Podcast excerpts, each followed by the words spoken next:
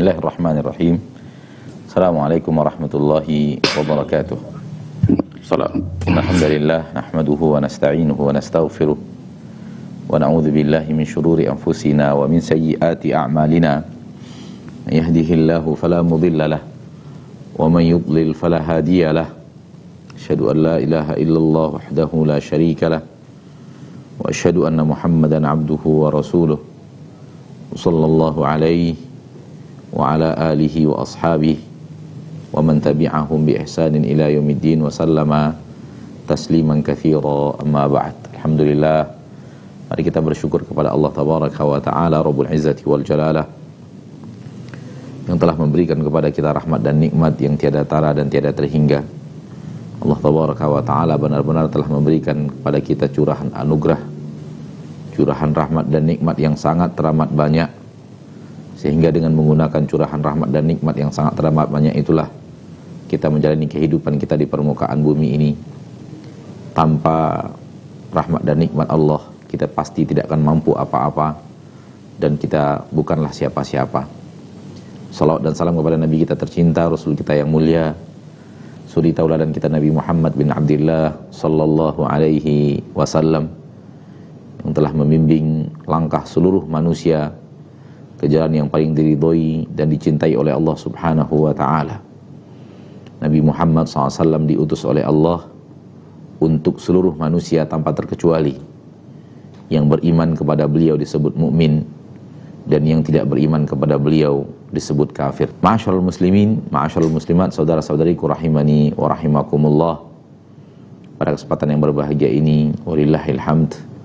Allah tabaraka wa taala memberikan kepada kita rahmat dan nikmatnya yaitu bersatunya kita, berkumpulnya kita, bersuanya kita di atas ketaatan kepada Allah Subhanahu wa taala dalam rangka menegakkan agama Allah Subhanahu wa taala dan melangkah dalam rangka mensyiarkan agama Allah Subhanahu wa taala. Dan pertemuan di atas jalan tersebut adalah pertemuan yang sangat uh, penting pertemuan yang sangat mulia karena lihatlah manusia di atas apa mereka bertemu, di atas apa mereka berkumpul, di atas apa mereka bersua. Rata-rata pertemuan manusia dan perkumpulan manusia di atas kenikmatan dunia atau kenikmatan maksiat. Nauzubillah, thumma na'udzubillahi min dzalik. Oleh karena itu, kita yang dijauhkan oleh Allah berkumpul di atas maksiat, kita yang dijauhkan oleh Allah berkumpul di atas kenikmatan dunia namun berkumpul untuk saling tawasi bil haqqi wa tawasi bil sabr harus mengetahui menyadari bahwa ini adalah curahan rahmat dan nikmat yang sangat besar yang Allah berikan kepada kita. Apatah lagi di zaman seperti zamannya kita maka sangat sedikitlah orang-orang yang mendapatkan taufik dari Allah untuk mengisi hidupnya di atas ketaatan dan bersua berkumpul bersama saudara-saudarinya juga dalam rangka ketaatan kepada Allah Subhanahu wa taala. Saudaraku saudariku yang berada di pulau yang sangat jauh ya yang mungkin jarak tempuh antara kita itu mungkin melebihi 3000 km wallahu taala alam akan tetapi Allah tabaraka wa taala telah memudahkan kepada kita teknologi di zaman kita sekarang ini yang tidak Allah mudahkan kepada generasi-generasi sebelum kita. Sehingga tidak ada lagi batas jarak jarak yang begitu jauh dengan mudahnya kita berkomunikasi dan bersatu di atas ridho Allah Subhanahu wa taala dan ini hendaklah kita syukuri anugerah dari Allah tabaraka wa taala yang sangat teramat besar dan hendaklah kita manfaatkan dengan sebaik-baiknya. Ma'asyiral muslimin, ma'asyiral muslimat, tauhid adalah agama Allah yang paling penting. Tauhid adalah inti syariat. Tauhid adalah inti dakwah para nabi dan para rasul. Tauhid adalah tujuan diciptakannya manusia di permukaan bumi Tauhid adalah pondasi seluruh ketaatan kepada Allah. Tauhid adalah hal yang akan menjaga mereka dari murka Allah dan tauhid adalah hal yang akan mengamankan mereka dari huru hara padang mahsyar dan tauhid adalah hal yang akan mengantarkan mereka ke surga Allah Subhanahu wa taala. Oleh karena itu, tauhid adalah suatu yang sangat teramat penting yang mana Allah tabaraka wa taala mengutus seluruh para nabi dan para rasul adalah untuk mendakwakan tauhid itu. Walaqad ba'atsna fi kulli ummatin rasula an ya'budullaha wajtanibut taghut. Sungguh kami telah utus kepada setiap umat rasul. Setiap umat telah kami kirim kepada mereka rasul. Sudah kami utus rasul. Seluruh rasul tersebut menyeru ani'budullah. Beribadahlah kalian hanya kepada Allah wajtanibut tagut dan jauhilah tagut yaitu peribadatan kepada selain Allah Subhanahu wa taala. Mengibadati selain Allah tabaraka wa taala, jauhi seluruh yang diibadati selain Allah. Saudaraku saudariku kaum muslimin dan muslimat rahimani wa rahimakumullah. Kalau sedemikian pentingnya tauhid, maka alangkah meruginya orang-orang yang menjauhi tauhid.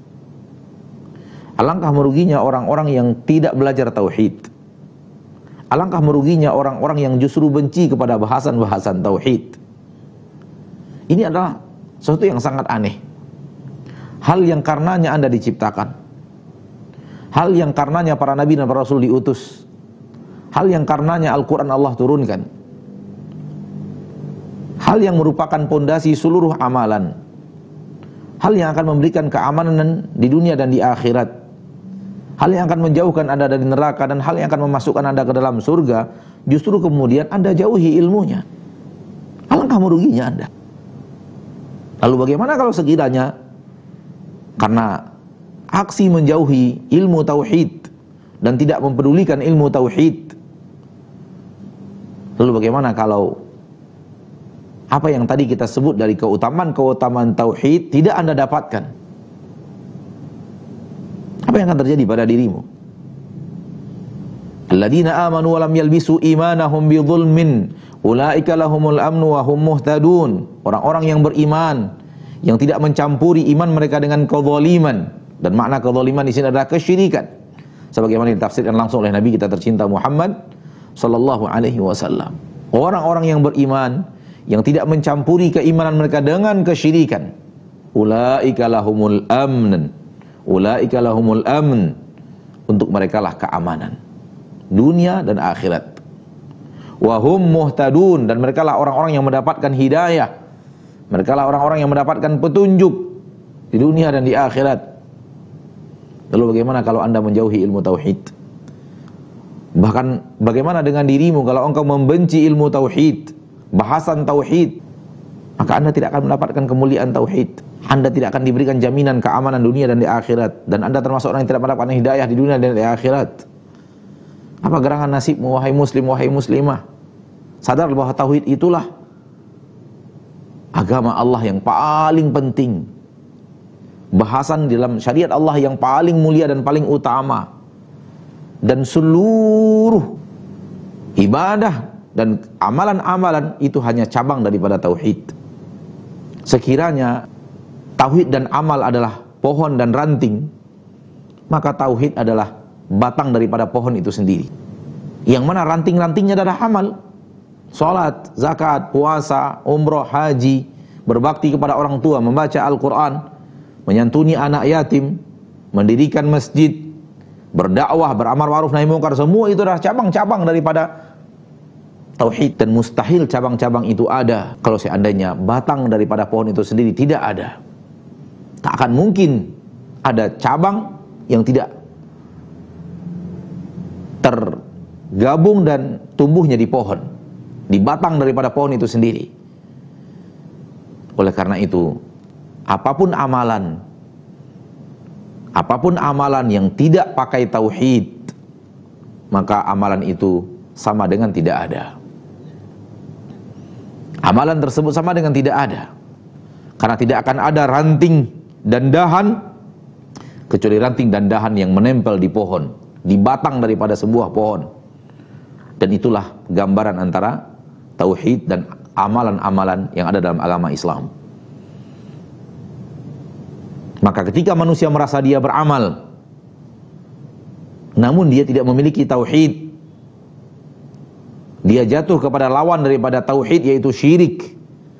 Sungguh amalan yang dia lakukan itu tak ada gunanya. Tak ada artinya. Na'udzubillah, thumma na'udzubillah min dhalik. Allah tabaraka wa ta'ala berfirman dalam Al-Quran surat Az-Zumar ayat 65. Wahai kaum muslimin, wahai kaum muslimat, saudara-saudariku di mana pun anda berada, rahimani wa rahimakumullah. Di dalam surat Az-Zumar ayat 65, Allah jelaskan dengan dengan tegas. Allah tabaraka wa taala berfirman walaqad uhiya ilaika wa ilal ladina min qablika la in asyrakta la yahbatanna amaluk. Sesungguhnya telah diwayukan kepada engkau yaitu nabi rasul kita tercinta Muhammad SAW wa ilal ladina min qablika dan juga diwahyukan kepada nabi-nabi sebelum dirimu. Lain asyrakta seandainya engkau berbuat syirik la yahbatanna amaluk maka sungguh akan hapus seluruh amalmu. Anda sudah puluhan tahun sholat, hapus semuanya. Anda sudah puluhan tahun, Anda sudah puluhan kali Ramadan berpuasa, hapus seluruhnya. Anda sudah membangun masjid puluhan atau ratusan yang Anda bangun tak ada artinya. Layah batanna amaluk, hapus seluruh amalmu. Wala takunanna minal khasirin. Dan engkau pasti di akhirat menjadi orang yang merugi. Kapan? Ketika engkau tidak lagi bertauhid. Tauhidmu sirna. Tauhidmu hapus. Tauhidmu hancur dengan kesyirikan yang kau lakukan. Tauhid mengesahkan Allah. Lawannya adalah syirik, menyekutukan Allah. Apabila syirik terjadi, tauhid hilang. Apabila datang syirik, maka tauhid hilang. Namun apabila tauhid yang datang, syirik pun hancur. Datang tauhid dan pasukan-pasukan tauhid ke kota Mekah. Hari itu juga hancur seluruh berhala yang di sekitar Ka'bah. Dan Rasulullah SAW sambil menghancurkan berhala-berhala itu mengatakan, Ja'al haqqu wa zahaqal batil. Telah datang kebenaran dan musnah seluruh kebatilan. Hancur syirik karena tauhid tiba. Tauhid datang, maka hancurlah tagut seluruh yang diibadati selain Allah Subhanahu wa taala. Wahai muslim, wahai muslimah, inilah inti agamamu. Inilah inti syariatmu. Inilah inti agama Rasulmu. Dan inilah inti agama seluruh para nabi dan para rasul. Yaitu hidup dengan seorang hamba, menjadi seorang hamba yang benar-benar mengesahkan Allah. Hanya Allah satu-satunya. Seluruh ibadah dan ketaatan hanya Allah tabaraka wa taala satu-satunya. Hanya kepada Allah satu-satunya. Tidak akan kepada selain Allah. Dan tidak untuk mengharapkan selain Allah apa pun itu. Itu dia tauhid. Anda sholat, sholat untuk Allah. Anda berpuasa, berpuasa untuk Allah. Karena Allah, untuk mengharapkan ridho Allah. Anda berinfak, berinfak karena Allah. Anda peduli anak yatim karena Allah. Anda bermajlis taklim harus karena Allah. Anda jujur harus karena Allah. Anda membangun masjid harus karena Allah. Sebutkan apa? Apa ketaatan? Anda menyembelih harus karena Allah. Anda memohon harus kepada Allah. Anda minta perlindungan harus kepada Allah. Anda minta diturunkan hujan harus kepada Allah. Anda minta hujan itu dihentikan atau tidak diturunkan harus kepada Allah. Itu dia tauhid. Hanya kepada Allah satu-satunya dan tidak ada selain Allah. Itulah agama Anda. Dan itulah kewajiban hamba kepada Allah tabaraka wa taala dalam hadis yang sahih dari Muad bin Jabal riwayat Imam Al-Bukhari rahimahullah dari Muad bin Jabal. Rasulullah SAW bersabda, "Atadri ma haqqullahi 'alal ibad 'alal ibad wa ma haqqul ibadi 'ala Allah?" Tahukah engkau wahai Muad kata Nabi SAW, apa hak Allah terhadap hamba? Dan apa hak hamba terhadap Allah? Apa kewajiban hamba kepada Allah dan apa pula kewajiban Allah kepada hamba itu karena lawan daripada hak adalah kewajiban apa hak Allah terhadap hamba itu artinya apa kewajiban hamba kepada Allah Dan apa hak Allah terhadap hamba? Itu artinya apa kewajiban yang akan Allah berikan kepada hambanya? Itu dikatakan oleh Muadz bin Jabal. Ketika beliau bersama Nabi sallallahu alaihi wasallam Nabi berkata, "Atadri ya Muadz, ma haqqullahi 'alal ibad wa ma haqqu al-ibadi 'ala Allah?" Tahukah engkau wahai Muadz bin Jabal, apa hak Allah terhadap hamba-hamba dan apa hak hamba terhadap Allah? Hakkullahi kata kata Muadz bin Jabal Allah wa rasuluhu alam. Qal Allah dan Rasulnya dan dan Rasulnya yang lebih mengetahui. Kata Nabi SAW, Hakkullahi alal ibad. Hak Allah terhadap hamba, ayya'buduhu wa la yushriku bihi syai'a. Agar mereka beribadah kepada Allah semata dan jangan menyekutukan Allah dengan sesuatu apa pun. Jangan menyekutukan Allah dengan sesuatu apa pun. Itu hak Allah terhadap hamba. Kita katakan tadi, apa kewajiban hamba terhadap Allah? Ya, ini dia. Hamba beribadah hanya kepada Allah. Hanya untuk Allah. Hanya diarahkan kepada Allah. Wala yushriku bihi syai'a. Dan dia tidak menyekutukan Allah dengan sesuatu apa pun.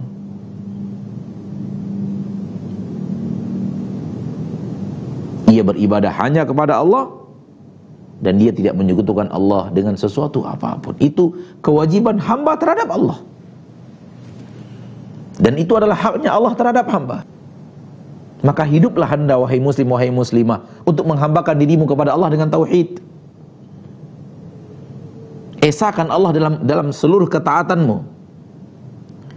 Esakan Allah tabaraka wa taala di dalam seluruh ibadah yang kau lakukan di permukaan bumi dan jangan pernah sekutukan Allah dengan sesuatu apa pun. Siapa pun dia, apa pun itu.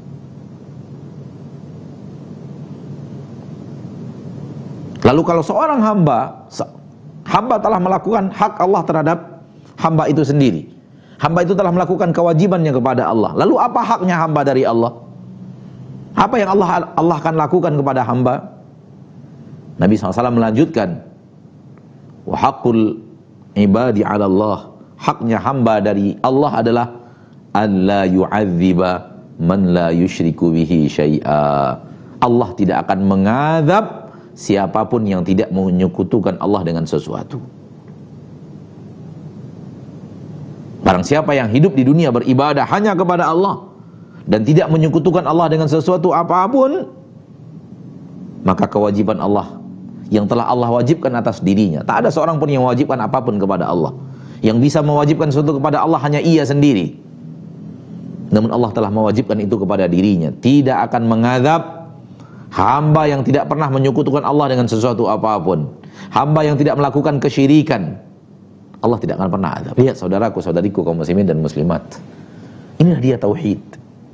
Inilah dia kalimat tauhid yang sering di zaman kita sekarang ini dijauhi oleh manusia. Bahkan ada yang benci dari kaum muslimin bicara tauhid. Bagi mereka bicara tauhid adalah bicara hal-hal yang bisa membuat persengketaan di tengah kaum muslimin. Bagi mereka bicara tauhid akan membuat sebagian segelintir orang tersinggung dan semacamnya. Bagi sebagian orang bicara tauhid akan membuat manusia marah kepada kita. Kalau pun itu terjadi, maka kenapa kita harus meninggalkan berbicara tauhid hanya karena manusia? Tidakkah kita membaca kitab Al-Quran? Yang di dalamnya penuh dengan sejarah para nabi dan para rasul yang mendakwahkan tauhid. Lalu apa yang terjadi antara mereka dan kaumnya?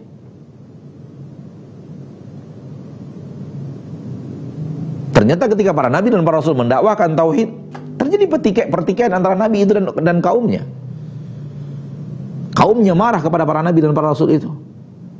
Kaumnya bahkan membunuh sebagian para nabi dan para rasul ada keinginan membunuh, berusaha untuk membunuh namun Allah melindungi para nabi dan para rasul. Termasuk nabi kita tercinta Muhammad sallallahu alaihi wasallam. Tidakkah lihat apa yang dilakukan oleh orang Quraisy? Bukankah cinta yang sangat hebat sebelum nabi berdakwah kepada tauhid berubah menjadi kebencian yang sangat dahsyat?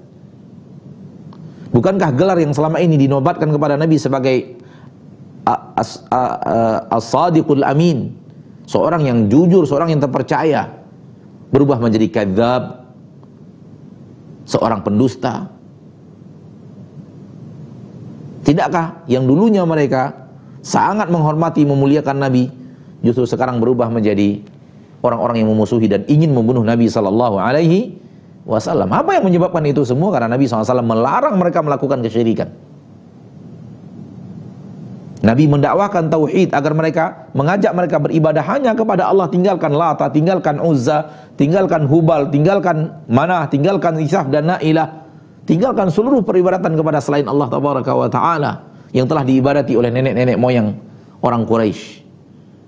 Sehingga mereka mengatakan kepada Nabi sallallahu alaihi wasallam, "Hasbuna ma alfaina alaihi aba'ana."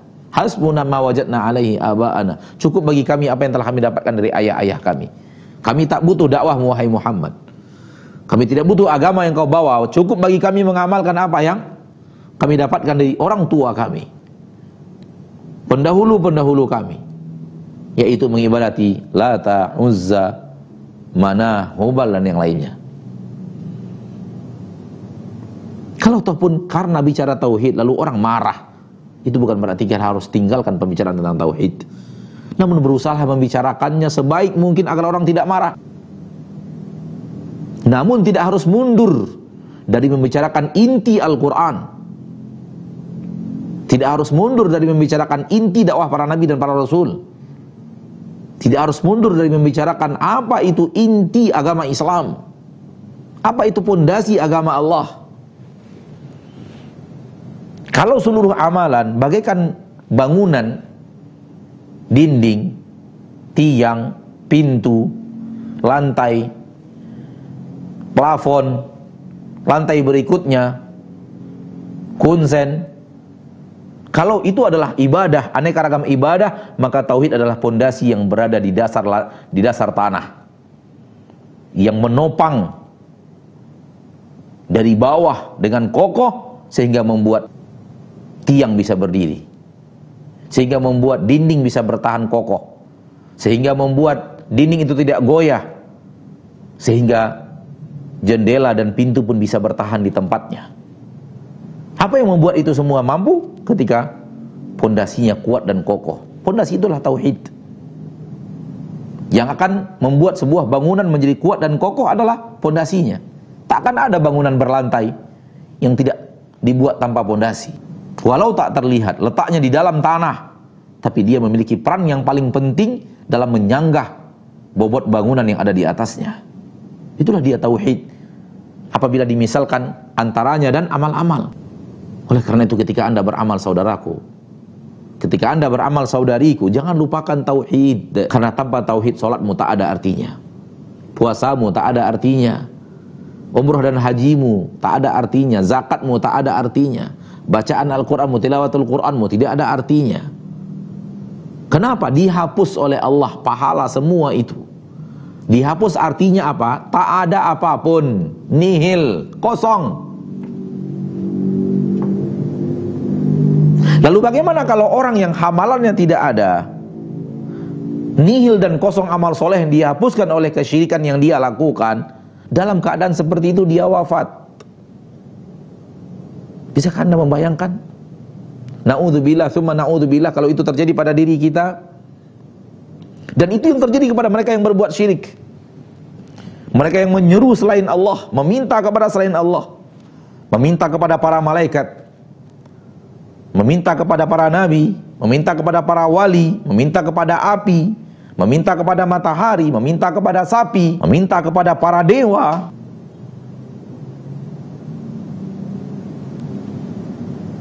Semua itu adalah perbuatan syirik yang akan menghanguskan seluruh amalan yang pernah dilakukan diamalkan oleh seorang muslim. Terjerumus di dalam kesyirikan, Allah hapuskan amalnya. Lalu bagaimana kalau dalam kondisi seperti itu dia menghadap Allah? Menghadap Allah dengan dosa paling besar ditambah dengan dosa-dosa lain yang dia lakukan selain dosa paling besar itu bernama syirik dengan amalan nol.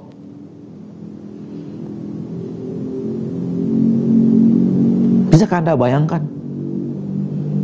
Alangkah buruknya keadaannya menghadap Allah. Alangkah buruknya keadaannya ketika dia dipanggil kembali ke alam baka. Kenapa ketika dia masuk alam akhirat diawali dengan alam barzakh. Masuk dengan segala dosa dan masuk tanpa ibadah sedikit pun. Kenapa? Dihanguskan oleh kesyirikan yang dia lakukan di permukaan bumi. Dan termasuk berbuat syirik besar manakala Anda ber, Anda berjalan di rumah atau Anda berjualan di sekitar rumah Anda dengan tangkal dan jimat. Anda pergi bersafar dengan tangkal dan jimat. Anda mencoba untuk membuat pengamanan benteng pagar gaib untuk tempat usaha Anda dengan tangkal dan jimat dan Anda meyakini tangkal dan jimat itulah yang telah memberikan perlindungan kepadamu. Manakala itu Anda lakukan, maka Anda telah terjerumus dalam syirik besar yang membuat amal Anda semuanya sirna. Memang Anda merasa telah sholat, tapi di mata Allah tak ada sholatmu. Memang Anda merasa telah mengeluarkan infak dan sodakat, tapi di sisi Allah tak ada infak dan sodakat yang kau keluarkan itu. Kenapa sirna dihapus oleh kesyirikan? Maka jauhi tangkal dan jimat. Jauhi cincin-cincin keramat. Jauhi keris-keris. Sakti mandraguna. Warisan titisan nenek moyang.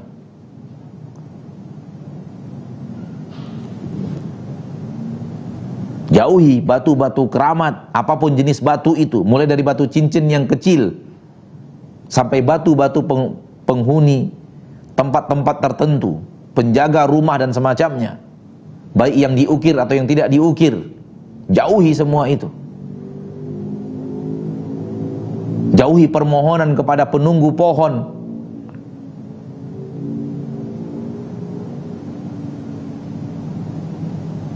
Kepada penguasa pantai, penguasa laut, yang maksudnya adalah sesuatu selain Allah. Yang memiliki kekuatan dan kekuasaan super seperti yang diyakini oleh sebagian manusia. Tinggalkan semua itu. Karena itulah dia kesyirikan yang akan menghanguskan seluruh amalan sangat tidak bisa kita bayangkan seandainya nasib seorang manusia menghadap Allah dengan seluruh dosanya dan tanpa ada satu amal ibadah pun yang dia kerjakan. Lalu kemudian Allah tabaraka wa taala berfirman di dalam Al-Qur'an surat An-Nisa ayat yang ke 116 Allah tabaraka wa taala berfirman innallaha la yaghfiru ayyushraka bih wa yaghfiru ma duna dzalika liman yasha sesungguhnya Allah tidak akan mengampunkan dosa seseorang manakala seseorang itu berbuat syirik kepada Allah ia sekutukan Allah dengan sesuatu Berarti hamba itu berbuat syirik. Syirik besar. Dia minta perlindungan kepada Allah, minta perlindungan juga kepada selain Allah. Dia minta rezeki kepada Allah, dia minta juga rezeki kepada selain Allah. Dia minta kesehatan kepada Allah, minta juga kesehatan kepada selain Allah.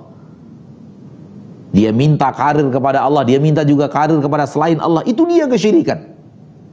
Kalau hanya kepada Allah semata, itu dia tauhid.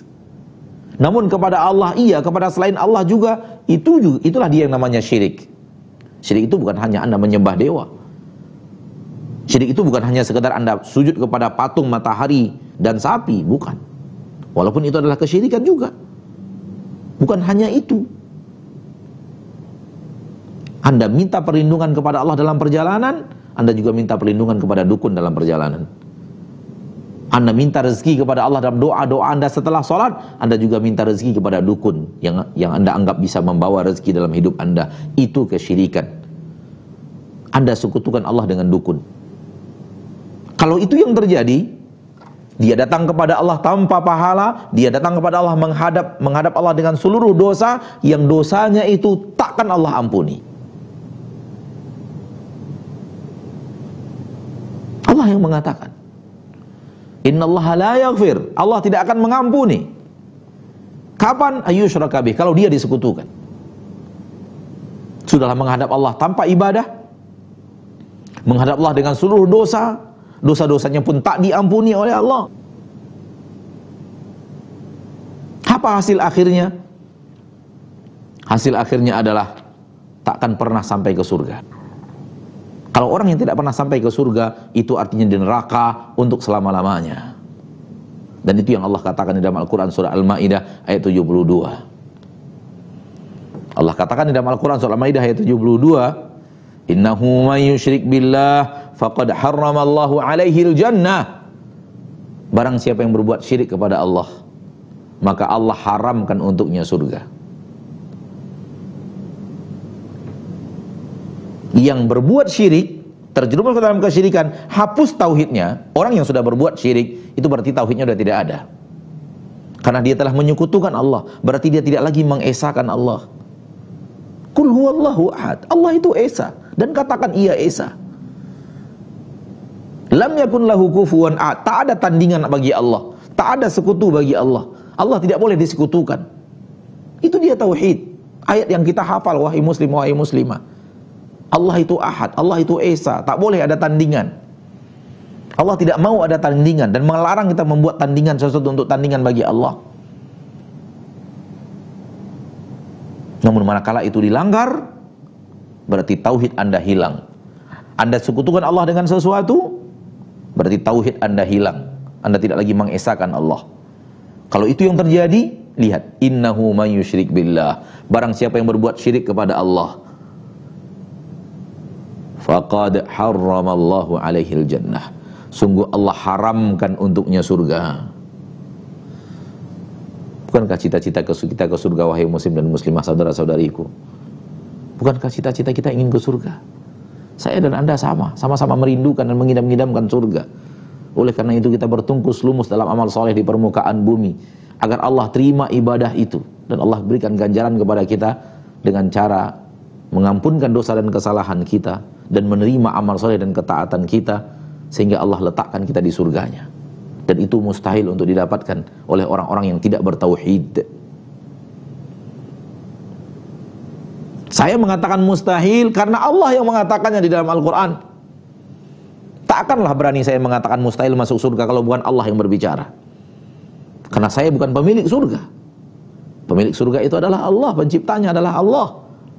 Saya tidak berhak menghalangi siapa pun masuk surga. Namun yang menghal yang berhak menghalangi seseorang ke surga adalah pemilik surga itu yaitu Allah. Dan Allah sudah haramkan surganya bagi Anda pelaku syirik.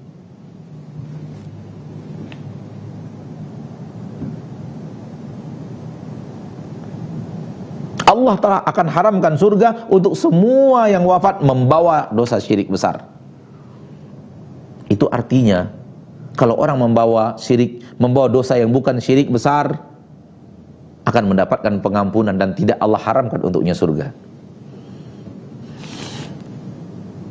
Allah haramkan surga kalau dia berbuat syirik. Kalau dia tidak berbuat syirik berarti halal baginya surga. Tidak haram baginya surga. Lihat keutamaan tauhid saudaraku. Rasulullah SAW bersabda, Man laqiyallaha la yushriku bihi syai'a dakhalal jannah. Barang siapa yang bertemu Allah tidak menyekutukan Allah dengan sesuatu apa pun berarti mengesahkan Allah, bertauhid. Barang siapa yang bertemu Allah dia tidak sekutukan Allah dengan sesuatu apa pun berarti dia datang kepada Allah dengan tauhid. Dakhalal jannah dia pasti masuk surga. Itu yang dikatakan Allah dari dalam Al-Quran surat Al-Ma'idah ayat 72. Innahu ma yusyrik billah faqad haramallahu 'alal jannah. Lalu kalau surga sudah Allah haramkan, mana tempat selain surga eh, kecuali neraka? Maka lihat ayat berikutnya. Wa ma'wahun nar. Dan tempat kembalinya hanya neraka. Wa ma lidzalimina min ansar dan tidak ada penolong bagi orang-orang yang berbuat zalim yaitu berbuat syirik tersebut. Gak ada penolong baginya. Malaikat tidak bisa menolong, para nabi tidak bisa menolong, apatah lagi para wali, anak tidak akan bisa membantu, orang tua tidak akan bisa memberikan pertolongan, apalagi hanya sahabat dan tetangga tidak akan bisa memberikan pertolongan apa pun. Harta tidak bermanfaat, kekuasaan pun sudah hancur binasa dan luluh lantak, sehingga tinggallah dia dirinya dan neraka. Waliyadzubillah. Persis seperti hadis berikutnya dari hadis daripada Nabi SAW dalam Sahih Muslim yang telah kita bacakan tadi man Allah la yusyriku bihi syai'a jannah barang siapa yang bertemu kepada Allah bertemu Allah tidak menyekutukan Allah dengan suatu apa pun dia pasti masuk surga wa man laqiyahu yusyriku bihi syai'a. Dan barang siapa yang menemui bertemu dengan Allah, berjumpa dengan Allah berbuat syirik, dia pasti masuk neraka. Namun orang-orang yang datang kepada Allah dengan tidak menyekutukan Allah, tidak berbuat syirik, sekiranya datang dengan banyak dosa, maka dosa-dosa yang dia lakukan itu tahta masyiatillah, terserah Allah. Boleh jadi Allah ampuni dan Allah maha pengampun. Boleh jadi Allah berkehendak tidak ampuni sehingga harus diadab di neraka karena tidak mendapatkan pengampunan. Orang yang menghadap Allah tidak berbuat syirik, itu artinya orang bertauhid. Tauhidnya ada. Kata Nabi, setiap orang datang menghadap Allah membawa tauhid, tidak tidak membawa syirik, pasti masuk surga. Sekiranya Allah ampuni dosanya, dia langsung masuk surga tanpa ke neraka. Namun sekiranya Allah tidak ampuni dosa-dosanya, maka dosa-dosanya itu akan membuat membuatnya diadab di neraka. Namun karena dia bukan orang yang berbuat syirik, suatu saat dia akan tinggalkan neraka itu untuk bergabung bersama saudara-saudarinya kaum muslimin dan muslimat yang bertauhid yang lebih dahulu masuk surga tanpa ke neraka. Sehingga orang yang bertauhid muaranya pasti kembali ke surga Allah Subhanahu wa taala wa in tala bihi dahru finnar walaupun panjang masa yang harus dia lewati di neraka. Namun kalau dia bertauhid dan tidak berbuat dosa syirik besar, pasti dia akan tinggalkan neraka itu untuk menikmati rahmat dan nikmat Allah yang yang luar biasa yang ada di surganya. Semoga bahasan ini bermanfaat dan waktu yang tersisa kita gunakan untuk menjawab pertanyaan. Semoga kita punya ilmu untuk menjawab pertanyaan yang ditanyakan kepada kita melalui ayat ayat Allah atau hadis Rasulullah SAW atau fatwa para ahli ilmu yang kita ketahui. Kita kembalikan kepada akhuna Khosfal yatafaddal mashkura. Zakallah khairan barakallahu fiik Ustaz atas penjelasannya Masya Allah semoga kita semua yang mendengar uh, kajian pada sore hari ini bisa mengambil manfaat dari apa yang sudah beliau sampaikan. Tapi Ustaz ada beberapa pertanyaan sudah masuk ke meja redaksi. Pertama dari Abdullah di Denpasar. Uh, beliau bertanya, Ustaz uh, bagaimana hukum memakai jimat untuk wasilah keselamatan namun tetap percaya Allah yang menyelamatkan?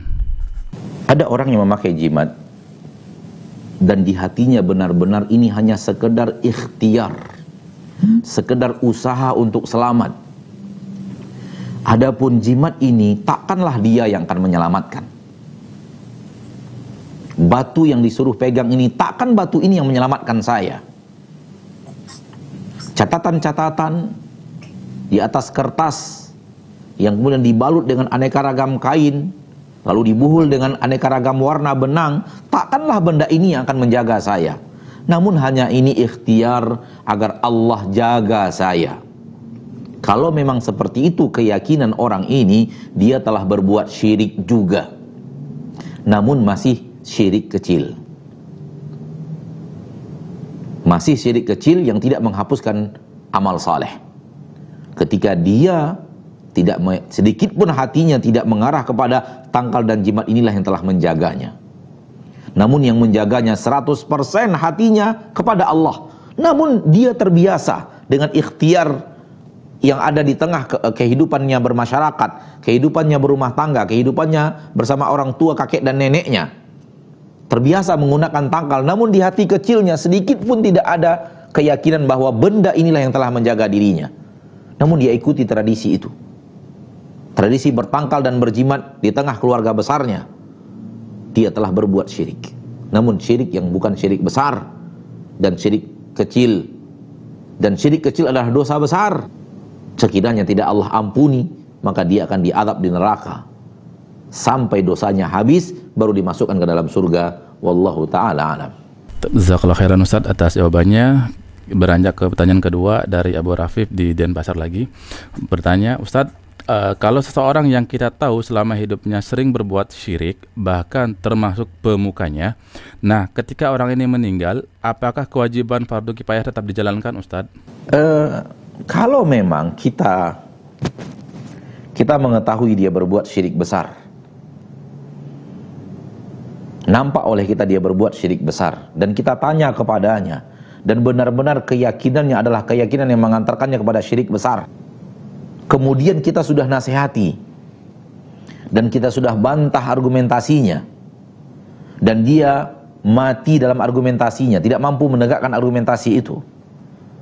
Namun setelah itu kita masih melihatnya melakukan hal yang sama, maka bagi kita yang telah menyaksikan semua itu dan melakukan aksi semua itu, bagi kita tak boleh bagi kita sholat di belakangnya.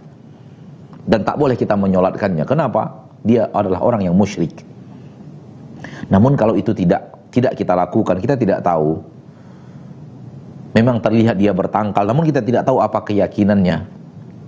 Namun terlihat dia pernah pergi ke dukun, namun kita tidak tahu apa ada apa di sana. Maka hukum asli, hukum asal seorang muslim adalah muslim. Sampai datang kepada kita uh, uh, ke kondisi yang nyata, terlihat oleh mata, dan kita nasihati dan kemudian dia tidak tidak tidak meninggalkan kesyirikan besar itu bagi kita yang telah melakukan semua itu boleh bagi kita bagi kita yang telah melakukan semua itu ya yaitu menasihatinya, menjawab argumentasinya, mematahkan argumentasi-argumentasi kesyirikannya, namun dia tidak berhenti meninggalkan kesyirikan itu, kita tidak sholat di belakangnya dan tidak menyolatkan dia ketika wafat. Namun kalau kita tidak tidak melakukan itu, seperti yang tadi saya katakan, kita tahu dia pergi ke dukun, tapi kita tidak tahu apa yang terjadi di sana. Dan kita tidak pernah bertanya kepadanya dan menasihatinya. Dan tidak pernah melakukan menjawab argumentasi kesyirikannya untuk dibantah. Maka hukum asal seorang muslim adalah muslim sampai datang keterangan jelas dan nyata bahwa dia telah keluar dari keislaman. Wallahu a'lam. Zakallah khairan Ustaz. Ini dari pertanyaan di Zoom dari Ahadwi Satria. Beliau bertanya, di daerah saya sangat kental dengan kepercayaan ketika bayi lahir segera diletakkan di baju atau di bawah bantalnya berupa gunting atau satu rempah khusus yang katanya gunanya melindungi dari gangguan setan. Apakah itu termasuk syirik dan bagaimana status ketauhidannya Ustaz? Sama dengan yang tangkal dan jimat tadi sama persis. Guntingkah itu atau apakah itu namanya? Dia adalah bagian daripada tangkal dan jimat. Di sebagian negeri ketika anak itu pergi keluar harus harus disematkan di bajunya semacam peniti. Karena bagi mereka punya keyakinan bahwa jin-jin takut dengan dengan dengan peniti yang tergantung kepada di badan bayi itu. Atau di, di, dikalungkan sesuatu di tubuh bayi itu biasanya antara perut dan pinggangnya ada sesuatu yang dikalung-kalungkan. Buhul-buhulan atau kadang-kadang diletakkan di lengannya di antara pundak dan sikunya semua itu sama. Mau gunting mau peniti mau yang dilingkarkan di pinggang atau dilingkarkan di di di, di lengan bayi semua itu namanya tangkal dan jimat. Ya sekiranya keyakinannya tak bergeming bahwa Allah yang menjaga namun ini hanyalah ikhtiar dan wasilah. Maka dia adalah syirik kecil. Namun kalau sudah sampai keyakinan bahwa inilah benda yang akan menjaga maka sampai kepada syirik besar yang mengikis amal saleh dan menghapus seluruh ketaatan. Wallahu a'lam. Tapi Ustaz Zakallah Khairan. Uh, ada pertanyaan lagi Ustaz. Uh, dari Ibu Mia di Denpasar. Beliau bertanya Ustadz, bagaimana kiat menjaga tauhid agar terhindar dari syirik dan perbuatan bid'ah? Dengan menegakkan dengan menegakkan dan semangat menegakkan la ilaha illallah Muhammad Rasulullah. Karena la ilaha illallah adalah tauhid. Setiap amal soleh kita, setiap ketaatan kita, tauhid la ilaha illallah. Setiap melakukan ketaatan ingat Allah dan arahkan kepada Allah. Dan jangan harapkan pujian manusia. Dengan itu kita mengamalkan la ilaha illallah dan terbenteng dari syirik. Dan ketika kita beramal, kita amalkan asyhadu anna Muhammadar Rasulullah. Saya mengakui Muhammad Rasulullah. Sehingga ketika akan beramal, kita tiru utusan Rasul itu. Kita contoh urutan, utusan Rasul kepada kita itu. Kita contoh Rasul yang telah Allah utus kepada seluruh manusia umat akhir zaman. Ingin sholat, meniru sholatnya Rasul. Ingin puasa, berusaha meniru puasanya Rasul. Ingin berzakat, sesuai dengan aturan yang diajarkan Rasul. Ingin bertakziah sesuai dengan takziah yang telah dicontohkan Rasul. Ingin ziarah kubur sesuai dengan ziarah kubur yang telah dicontohkan Rasul sallallahu alaihi wasallam. Dengan demikian kita mengamalkan asyhadu anna Muhammadar Rasulullah dan kita akan terbentengi daripada yang namanya bid'ah. Karena bid'ah itu mengikis ketaatan kita kepada Rasul dan syirik itu mengikis tauhid kita kepada Allah Subhanahu wa taala dengan selalu mengamalkan la ilaha illallah kita akan terbenteng daripada syirik dan selalu mengamalkan asyhadu anna Muhammadar Rasulullah, kita akan terbenteng dari yang namanya bid'ah, amalan yang tidak pernah diajarkan, dicontohkan dan di uh, syariatkan oleh Nabi kita tercinta Muhammad SAW. Salah satu salah satu uh, hak Nabi dari umatnya atau salah satu kewajiban Nabi kewajiban umat kepada Nabi mereka adalah alla ya alla yu'badallahu illa bima Jangan sampai dia beribadah kepada Allah kecuali dengan syariatnya Rasulullah, dengan teladan dari Rasulullah, dengan syariatnya Nabi Muhammad SAW. Wallahu a'lam. Nah. Uh, pertanyaan selanjutnya adalah dari Abu Hasan di Denpasar. Beliau bertanya, Ustadz, ujur bijahil untuk orang-orang yang mengikuti kegiatan-kegiatan bid'ah, tahlilan, maulidan, jarak kubur, wali, dan lain-lainnya, apakah mereka yang ikut-ikutan tapi belum paham tentang larangan melakukan kebidahan tersebut dapat uzur? Syukuran Ustaz uh, Allah Maha Tahu dan Maha Adil dalam memberikan hukum. Dan Allah Maha Tahu dan Maha Pengasih dan Maha Adil dalam memberikan hukuman. Serahkan kepada Allah. Karena Allah yang paling mahir dan paling pandai, paling paling cepat menghisap siapa sebenarnya hamba itu. Kalau memang dia hanya ikut-ikutan, sementara hatinya tidak seperti hati pelaku syirik besar, maka dia tidak tidaklah pelaku syirik besar. Namun kalau dia memang awalnya ikut-ikutan, tapi lambat laun hatinya bertukar menjadi ketergantungan kepada makhluk dan benda, permohonan kepada makhluk dan benda, maka dia pelaku syirik besar. Walaupun ia hanya ikut-ikutan. Namun hatinya sudah bergantung kepada selain Allah, sudah memohon kepada selain Allah, sudah meminta kepada selain Allah, sudah meminta kepada penunggu suatu benda, penunggu suatu kawasan, penunggu suatu pantai, penunggu gunung dan semacamnya. Dan lihat apa yang dilakukan oleh orang-orang yang bukan muslim. Kalau bukan aksi mereka untuk mempersembahkan sesuatu ketaatan mereka kepada selain Allah itu. Apalagi antum yang berada di kawasan yang banyak sekali orang-orang berbuat syirik.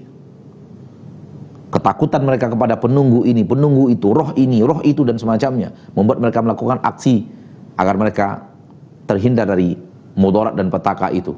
Orang muslim yang melakukan itu kepada selain Allah melakukan hal yang sama yang dilakukan oleh mereka-mereka yang tidak muslim kepada selain Allah. Menunjukkan bahwa dia adalah satu kesatuan yang sama, satu jenis dosa yang sama yaitu syirik menyekutukan Allah dengan sesuatu. Baik dilakukan oleh orang yang yang muslim atau dilakukan oleh orang yang non muslim. Wallahu a'lam. Ada pertanyaan lagi, ini kayaknya orang milenial Ustaz beliau bertanya, Uh, Ustadz, bagaimana hukumnya mempercayai zodiak atau zoom dalam aplikasi tertentu sehingga ketergantungan kepada zodiak tersebut? Seandainya benar-benar mempercayai zodiak itu, maka itu adalah syirik besar. Karena mempercayai ramalan. Dan Rasulullah SAW bersabda, "Man ataka hinan aw arrafan fasaddaqahu bima yaqul." Barang siapa yang mendatangi dukun dan mendatangi tukang ramal dan zodiak adalah amalan tukang ramal. Maka membaca zodiak sama dengan membaca mendatangi tukang tukang ramal, mendatangi peramal nasib. Fasaddaqahu bima yaqul. Lalu dia percaya dengan apa yang diucapkan tukang ramal itu. Percaya dengan apa yang ada di dalam zodiak itu. Dia percayai. Faqad kafara bima unzila ala Muhammad. Maka dia telah kufur kepada apa yang Allah turunkan kepada Muhammad. Dia telah kufur, kafir terhadap apa yang Allah turunkan kepada Nabi Muhammad yang mengatakannya Rasul kita tercinta SAW. Maka seluruh ramalan tak boleh dipercayai. Seluruh ramalan alam gaib, ramalan tentang suatu yang akan terjadi di masa yang akan datang haram untuk dipercayai. Allah berfirman di dalam Al-Quran, Qul la ya'lamu man fis samawati wal ardil ghaiba illallah. Katakan wahai Nabi, tak satu pun yang tahu tentang yang gaib baik di suatu seseorang di langit atau di bumi tak satu pun yang tak seorang pun yang tahu gaib illallah kecuali hanya Allah saja Allah tabaraka wa taala memerintahkan nabinya Qul la amliku li nafsi naf'a wa la dharra illa ma Allah Dan dalam ayat lain Allah mengatakan wala a'lamul ghaib Katakan kepada mereka, saya tidak tahu yang gaib. Nabi, manusia yang dapat wahyu dari Allah. Manusia yang punya wah, mempunyai koneksi dengan Allah. Manusia yang Allah tabaraka wa taala kirimkan malaikat-malaikat yang memberikan wahyu kepadanya disuruh oleh Allah untuk mengatakan sampaikan kepada manusia saya tidak tahu yang gaib. Wala a'lamul gaib. Saya tidak tahu yang gaib. Maka kalau para nabi tidak mau mengetahui yang gaib apalagi manusia-manusia yang mereka bukanlah para nabi dan para rasul. Apalagi mereka bukanlah para wali. Mereka pelaku maksiat namun belajar ilmu perdukunan. Belajar ilmu ramal meramal dan ilmu ramal melamar itu dari orang kafir dahulu kala sudah ada. Sehingga walaupun dilakukan oleh orang-orang yang di zaman sekarang, maka itu adalah titisan kekafiran. Maka tidak boleh kita untuk percaya. Supaya tidak ada kepercayaan, jangan dibaca. Kalau suatu saat Anda Anda memiliki sesuatu yang Anda baca, lalu ada ramalan-ramalannya, maka lewatkan saja halaman itu. Supaya iblis tidak menggodamu, bala tentaranya tidak datang kepadamu dan menggoda agar Anda percaya dengan apa yang tertulis tersebut. Wallahu a'lam. Ustaz ada pertanyaan di, di luar tema boleh Ustaz? Baik, silakan. Tapi pertanyaan adalah Ustaz, benarkah mengenai musik itu tidak semua sepakat eh tidak semua ulama sepakat akan keharamannya? Semua ulama sebelum Imam Ibnu Hazm sepakat akan keharamannya. Semua ulama sebelum Imam Ibnu Hazm itu sepakat akan keharamannya. Dan yang pertama kali seorang il, ahli ilmu di dalam kitab Al-Muhalla yaitu Imam Ibnu Hazm yang beliau yang yang yang ber, ber, berpendapat bahwa bahwa dia tidaklah haram. Lalu kemudian generasi-generasi seterusnya dari orang-orang yang menghalalkan nyanyian dan musik itu semuanya argumentasinya kepada Imam Ibnu Hazm. Namun yang sebelum Ibnu Hazm tak seorang pun ulama ahli ilmu yang mu'tabar yang menghalalkan nyanyian dan musik. Wallahu alam. Dari Rizal beliau bertanya, e, Ustadz keluarga besar kami di Bali mayoritas masih non Muslim. Di toko keluarga yang menjual sembako ada salah satu barang dagangan berupa dupa yang titipan untuk dijual dari salah satu keluarga yang kami yang non Muslim. Sebelumnya, Ana sudah jelaskan kepada orang tua bahwa hal tersebut dilarang dalam agama Islam karena tidak boleh menolong-menolong dalam peribadahan agama lain. Tetapi, orang tua enggan mengembalikan barang tersebut karena merasa kita hanya menjual dan tidak ikut memakai barang tersebut dalam peribadahan mereka. Pertanyaan Ustadz, bagaimana sikap kita sebagai anak ketika melihat orang tua yang tetap menjual peralatan ibadah agama lain dengan dalih orang tua merasa tidak enak tersebut? Syukron Ustadz. Eh, menjual benda haram adalah haram menjual benda haram adalah haram. Ya. Sehingga Nabi SAW mengatakan, "Thamanul hirri haram wa thamanul kalbi haram." Dalam hadis lain Nabi SAW mengatakan, "Ma uh, ma ma hurrima barang siapa apa apa pun yang diharamkan bendanya, maka hurrima thamanu telah diharamkan juga hasil penjualannya." Atau kama qala sallallahu alaihi wasallam. Nabi SAW telah mengatakan telah diharamkan hasil penjualan kucing, telah diharamkan hasil penjualan uh, anjing. Nah, ma hurrima akluhu hurrima thamanuh. Kalau tidak salah, atau kama qala SAW, Nabi SAW mengatakan bahwa sesuatu yang diharam untuk dimakan, maka dia haram untuk dijual. Maka menjual benda haram adalah haram. Ya. Maka nasihati orang tua, dengan cara yang lemah lembut, bukan dengan cara yang kasar, dan menasihati orang tua uh, tidak dengan cara emosi, marah dan semacamnya. Dan kalau orang tua kemudian setelah dinasihati tetap menjual barang-barang yang haram tersebut, ya, dan sementara dagangan lainnya tidaklah haram, maka bercampur uang antara hasil yang halal dan hasil yang haram. Kalau uang bercampur, maka seorang anak masih halal mendapatkan nafkah dari orang tuanya atau mendapatkan hibah dari orang tuanya wallahu alam. Nah. Taib Jazakallah khairan. Ini dari pertanyaan di Zoom dari Ira Aliska. Beliau bertanya, Ustaz, sekarang sedang tren di media sosial tentang di jempol kiri ada tanda inisial nama jodoh seseorang. Bagaimana hukumnya ketika percaya pada hal-hal tersebut, Ustaz? Itu sama dengan ilmu ramal membaca telapak tangan, membaca sesuatu di di bejana, membaca sesuatu di bintang, membaca sesuatu di kartu, semua hanya media. Media untuk meramalkan sesuatu.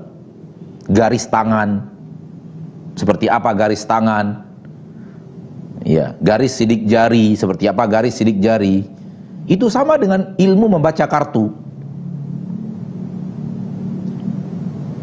Yang dilakukan oleh mereka-mereka yang tidak beriman kepada Allah dan Rasulnya, sama dengan ilmu membaca eh, ramalan-ramalan uh, bintang, sama dengan ilmu membaca raut wajah, bla bla bla bla. Semua itu hanya media. Intinya adalah meramal. Dan itu haram untuk didatangi orang tersebut. Haram apabila didatangi dan dipercayai yang dia katakan dari perkara-perkara yang gaib, dari ramalan-ramalan gaib, maka jatuh kepada sifat daripada dosa kufur jatuh kepada dosa syirik. Wallahu alam. Tapi besar pertanyaan terakhir uh, sebelum kita tutup dari Amri di Denpasar juga. Bismillah Ustaz izin bertanya di luar tema. Ustaz istri anak sudah kurang lebih 20 hari sakit dan hanya bisa berbaring. Ketika itu di rumah sakit tanda kutip uh, opname sempat istri anak haid. Setelah selesai haid, Istri anak ingin melanjutkan kewajiban sholatnya, sedang dia tidak bisa mandi dengan sempurna dan hanya membersihkan diri sekadarnya di atas ranjang. Dari setelah haid sudah mulai menjalankan sholatnya, yakni dengan berbaring, terkadang dengan duduk. Nah, bagaimana hukumnya Ustaz? Apakah sholat, apakah sholat istri anak sah?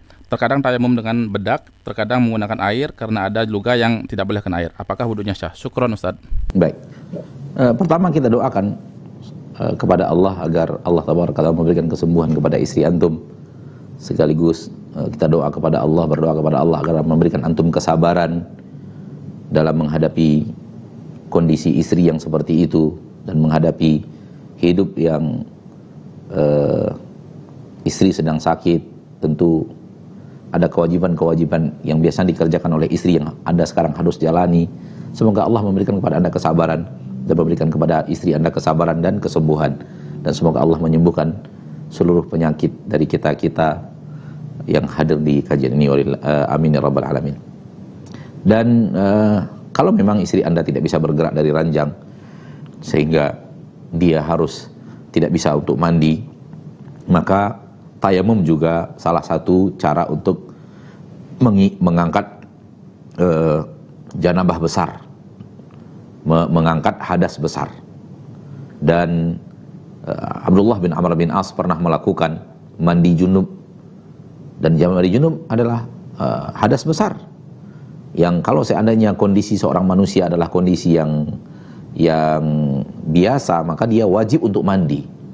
Namun Abdullah bin Amr bin As karena suatu kondisi maka beliau hanya bertayamum dan Rasulullah SAW me, me, me, menyetujui dan mengesahkan apa yang dilakukan oleh Abdullah bin Amr bin As radhiyallahu taala an. Dari sini para ulama mengatakan bahwa tayamum tidak hanya mengangkat hadas kecil ya, namun juga mengangkat hadas besar dalam kondisi di mana ketika seseorang memang tidak mampu untuk mandi, maka tayamum mengangkat hadas besar bagi uh, muslim dan muslimah yang seperti ini. Wallahu taala alam. Sampai di sini pertemuan kita pada kesempatan yang berbahagia ini semoga Allah taala memberikan kepada kita taufik dan hidayah ke jalan yang Allah ridhoi dan cintai terutama memberikan kepada taufik dan hidayah untuk bertauhid dalam kehidupan kita hingga akhir hayat dan semoga Allah jaga kita agar tetap mempertahankan tauhid itu sampai kita menghembuskan nafas kita terakhir di permukaan bumi. Amin ya rabbal alamin. Subhanakallahumma wa bihamdika asyhadu an la ilaha illa anta astaghfiruka wa atubu ilaik. Wassalamualaikum warahmatullahi wabarakatuh. Waalaikumsalam warahmatullahi wabarakatuh. Dan teman-teman sekalian, alhamdulillah selesai sudah uh, perjumpaan kita pada kali ini dan semoga Allah Subhanahu wa taala selalu melindungi kita semua dalam menuntut ilmu. Barakallahu fikum. Kita sudah saja. Wassalamualaikum warahmatullahi wabarakatuh.